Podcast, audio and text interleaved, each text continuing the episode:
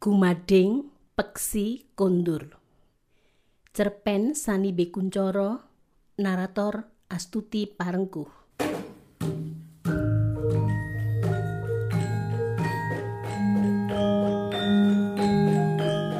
Laki-laki itu datang padamu di suatu sore yang bercahaya. Musim kemarau ketika itu terik kulminasi matahari masih tersisa di sekitarmu. Debu tipis melekat pada reranting dan dedaunan. Saat angin menghampiri, akan kau dengar gemerisik dedaunan yang seolah membisikkan dahaganya kepadamu. Tak hendak kau abaikan bisikan itu.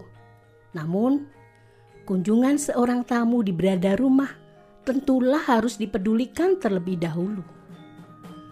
Siraman air untuk mereka haruslah menunggu. Kau letakkan canting dan meredupkan nyala api pada wajan berisi malam cair. Tanpa meneliti ulang, gerak tanganmu telah mengatur nyala sumbu kompor itu pada ukuran yang tepat redup yang pas untuk menghangatkan malam dengan titik api yang aman. Sekedar untuk menjaganya, tetap berupa lelehan tanpa akan membakar, apalagi menghanguskan. Berkepul samar malam cair warna jelaga itu saat kau beranjak. Aromanya melekatimu, menguar kentara serupa jejak pada setiap gerakmu. Kau sekap peluh di dahi dengan punggung tangan sesaat sebelum langkahmu menjejak ambang pintu terbuka menyambut sang tamu. Bergerak lembut tanganmu mempersilakannya duduk. Monggo Pinara, Mengangguk laki-laki parubaya itu membalas salammu. Jalinan rotan pada kursi tua peninggalan orang tuamu berderak lirih saat menerima beban tubuh sang tamu. Kudengar kau pembatik yang mumpuni. Begitu tamu itu mengawali niat kedatangannya. Pujian awal yang tidak membuatmu tersanjung apalagi tersipu perjalanan waktu telah membawamu melewati hal-hal semacam itu. Tidak membuatmu terbiasa, melainkan justru memberimu kemampuan mendeteksi sebagai basa-basi atau umpan teka.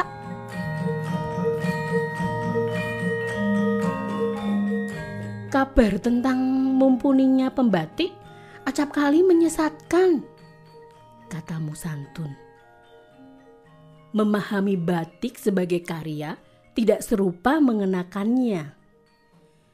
Apa yang tampak hanyalah tampilan yang justru kerap menjadi ukuran keindahan. Sementara makna rohani yang tersirat pada coraknya justru terabaikan.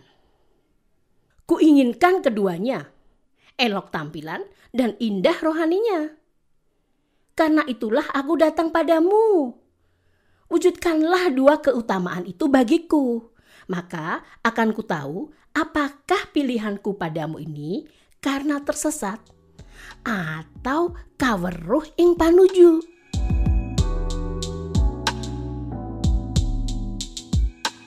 Lurus mata laki-laki itu padamu.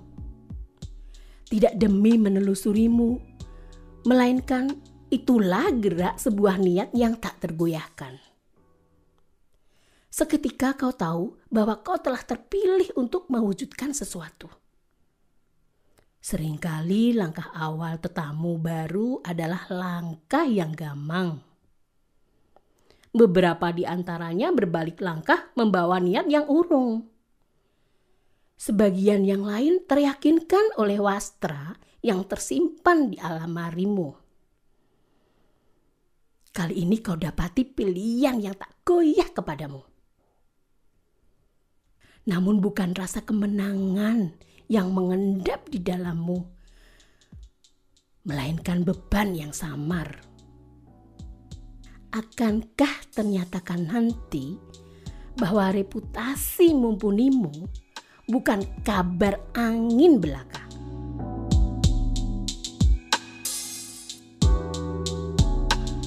Bukan hal mudah mewujudkan keinginan. Tidak selalu tepat melakukan penafsiran dari hasrat tersirat. Perbedaan rasa keindahan selalu bisa terjadi. Ada yang bersimpang jalan untuk kemudian saling menghindar tanpa beban satu sama lain. Beberapa di antaranya memilih untuk menjadikan rasa keindahan pribadi sebagai sesuatu yang sama mutlaknya bagi orang lain. Kini, akankah karya wastramu sanggup menafsir dan memenuhi hasrat keindahan laki-laki itu dengan jitu.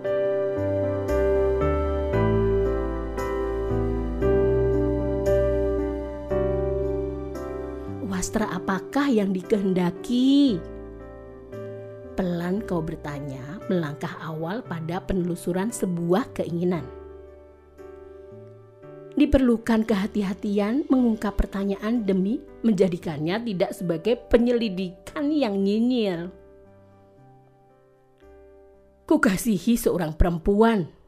Baginya, ingin kuberikan tanda mata yang akan mengikat hatinya kepadaku.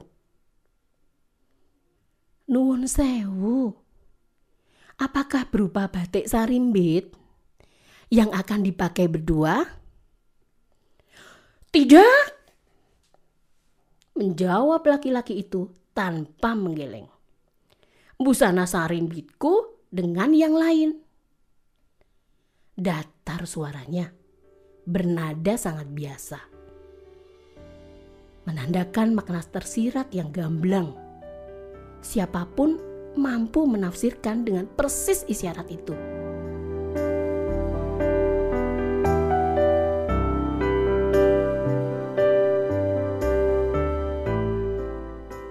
Inginkan sutera terbaik, berkualitas utama dengan serat terlembut yang pernah ada. Harga tidak masalah, berapapun itu akan kubayar tunai, lunas kapan pun kehendakmu. Maka wujudkanlah dengan sempurna wastra tanda mata itu. Temukanlah corak batik nan elok serta bermakna rohani terindah yang niscaya sanggup mengikat hati kekasih kepadaku tanpa hendak berpaling. Demikianlah laki-laki itu menitipkan hasrat pemujaannya kepadamu. Diakhirinya kunjungan sembari menaruh harapan seutuh bulan purbani kepadamu untuk mewujudkannya.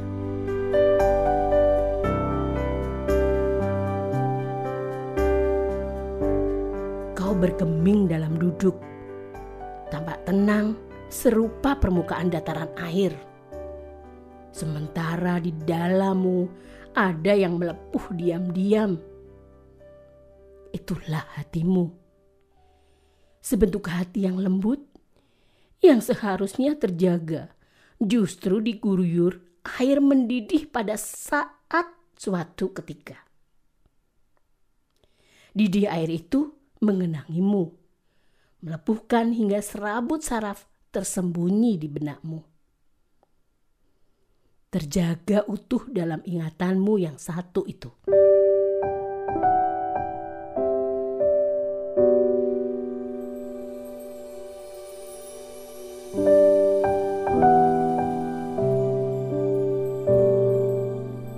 Tak kupunya lagi kesetiaan yang utuh kepadamu kata suamimu pada suatu hari.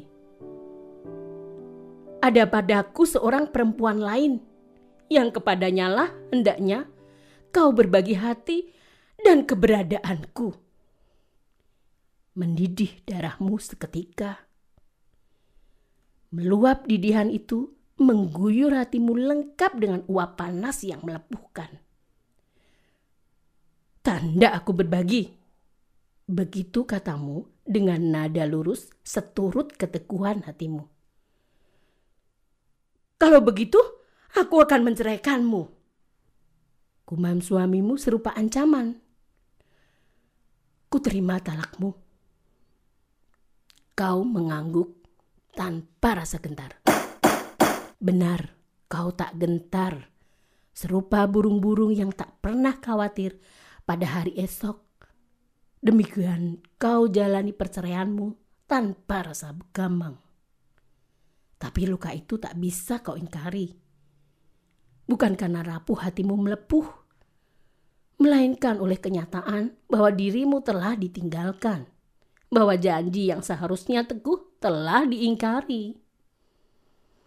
Kini kau menerima amanah untuk membuat wastra yang akan menjadi perayu perempuan lain. Tanda mata yang akan menandai gerak awal terbaginya sebuah kesetiaan. Lama kau merenung di beranda mengabaikan ranting dan dedaunan yang bergemerisik mengabarkan dahaganya. Tak kau pedulikan lagi semburat matahari sore yang telah meredup dan membuat rumahmu remang tanpa cahaya. Entah berapa hari kemudian yang kau lalui dengan perasaan gamang yang menggelisahkan, kau temukan sebuah pilihan pola batik yang sekiranya tepat untuk tanda mata yang diinginkan laki-laki itu. Pagi masih muda ketika itu. Embun belum mengering dari dedaunan di kebun saat sebuah sarang burung tergeletak di pelataran. Kau letakkan sapu lidi demi memungut sarang itu dan menduga-duga asal mulanya. Barangkali berasal dari pohon belimbing yang ada di dekatmu. Sarang dari jalinan neraranting dan daun kering itu kosong. Tak ada telur sebutir pun tertinggal. Sarang yang telah ditinggalkan. Kau tak hendak membuang sarang itu. Kau membersihkannya dari debu dan sampah yang tak perlu meletakkannya pada sebuah dahan dengan beberapa tangkai bulir padi. Kau berpikir, barangkali burung-burung itu akan memerlukan kembali sarang dari mana mereka berasal. Dan gabah itu akan menjadi santapan yang melegakan.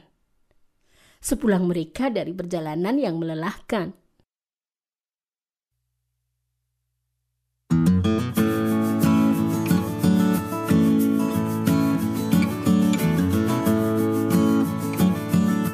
Demikianlah sarang burung itu mengilhami sebuah corak batik. Teguh pilihanmu tanpa gamang meski setitik cecek. Adalah pola buketan untuk mewujudkan rancanganmu. Setiap buketan terdiri dari seekor burung dengan sayap berlapis. Sebagai kelowongan, yaitu ragam hias utama, kau tampakkan detil setiap helai sayap burung-burung itu. Seolah gerak melayang ujung sayap itu berkepak terbang. Sebagai ragam hias latar pola, terpilihlah ceplok bunga seruni yang kau posisikan serupa taman. Sengaja tak kau pilih jenis unggas, entah kupu-kupu atau capung sebagai latar hias. Karena kau ingin sosok buruk itu menjadi yang utama. Kau tatap pola buketan itu dalam satu jajaran seolah burung-burung itu berbaris menuju pada satu arah. Gabah sinawur untuk isen-isen. Pengisi bidang kosong latar pola utama. Tangkai-tangkai padi itu seolah menjadi rangkaian gabah yang saling menyambung. Setiap tangkainya menampakkan bulir-bulir padi perlambang kemakmuran. Ada ketelatenan yang tidak biasa saat kau mengerjakan wastra pesanan itu. Ketekunanmu menggoreskan canting, melukis corak batik itu tidak demi mengejar tingkat waktu semata-mata. Melainkan lebih karena kesungguhan hatimu yang menjadi penggeraknya. Lincah gerakmu Sesungguhnya karena jemari itu hanyalah perantara dari ungkapan rasa yang mengendap di benak.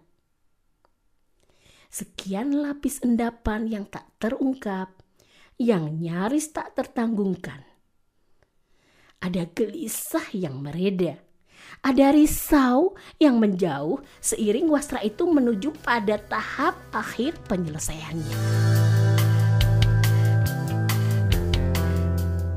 Laki-laki itu datang menjemput tanda mata pesanannya pada sebuah pagi menjelang siang yang teduh. Pagar bambu yang membatasi kebunmu dengan jalan kampung berderak pelan saat bergerak terbuka menandakan kedatangannya.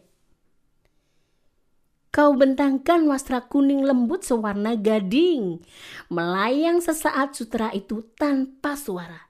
Sebelum kemudian rebah pada sandaran kursi panjang.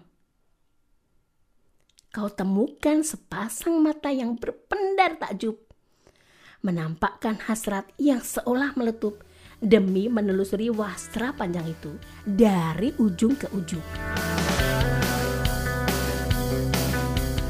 Lebih indah dari bayanganku semula. Ternyatalah reputasi mumpunimu tidak menyesatkan kau diam.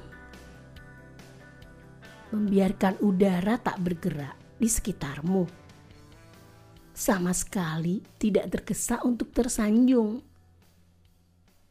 Sejatinya kau menunggu laki-laki itu menyelesaikan kekagumannya. Alangkah tepat corak pilihanmu. Aku ingat kekasihku pernah menginginkan batik bercorak burung hong. Burung-burung itu sedang terbang menuju pulang. Katamu Belan dengan nada yang sangat terjaga. Laki-laki itu menoleh kepadamu. Kumading peksi kondur. Demikianlah kunamakan wastra ini. Apa maknanya? Burung-burung yang terbang menuju pulang pada sarangnya. Itulah peksi kondur. Akan melambangkan makna yang berbeda. Andai diserahkan pada dua orang yang tak sama. Maksudmu? Kau berhenti sejenak seolah jeda sebelum melanjutkan sesuatu.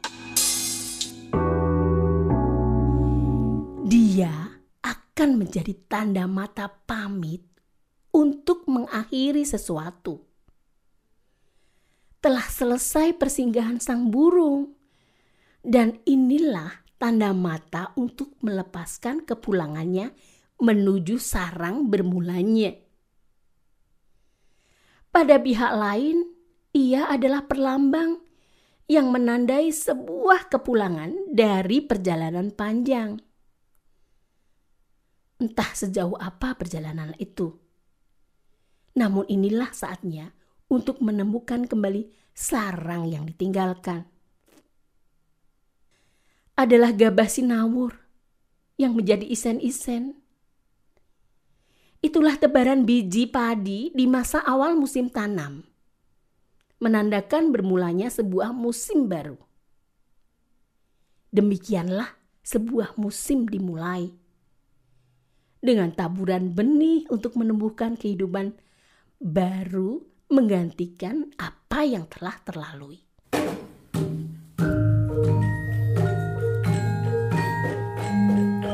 Lurus mata laki-laki itu padamu. Pendar takjubnya telah berubah menjadi kilauan tajam, serupa kelewang terasah. Kau tak gentar, apalagi terhenti Mengapa kuning?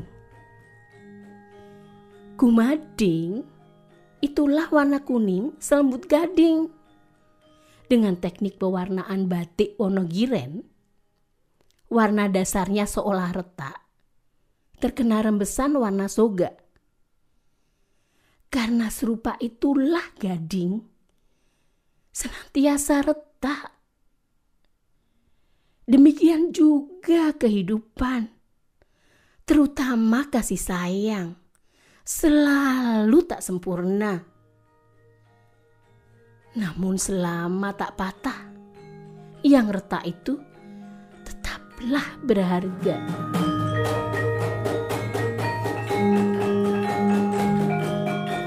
Kau berhenti kemudian, lalu menunggu.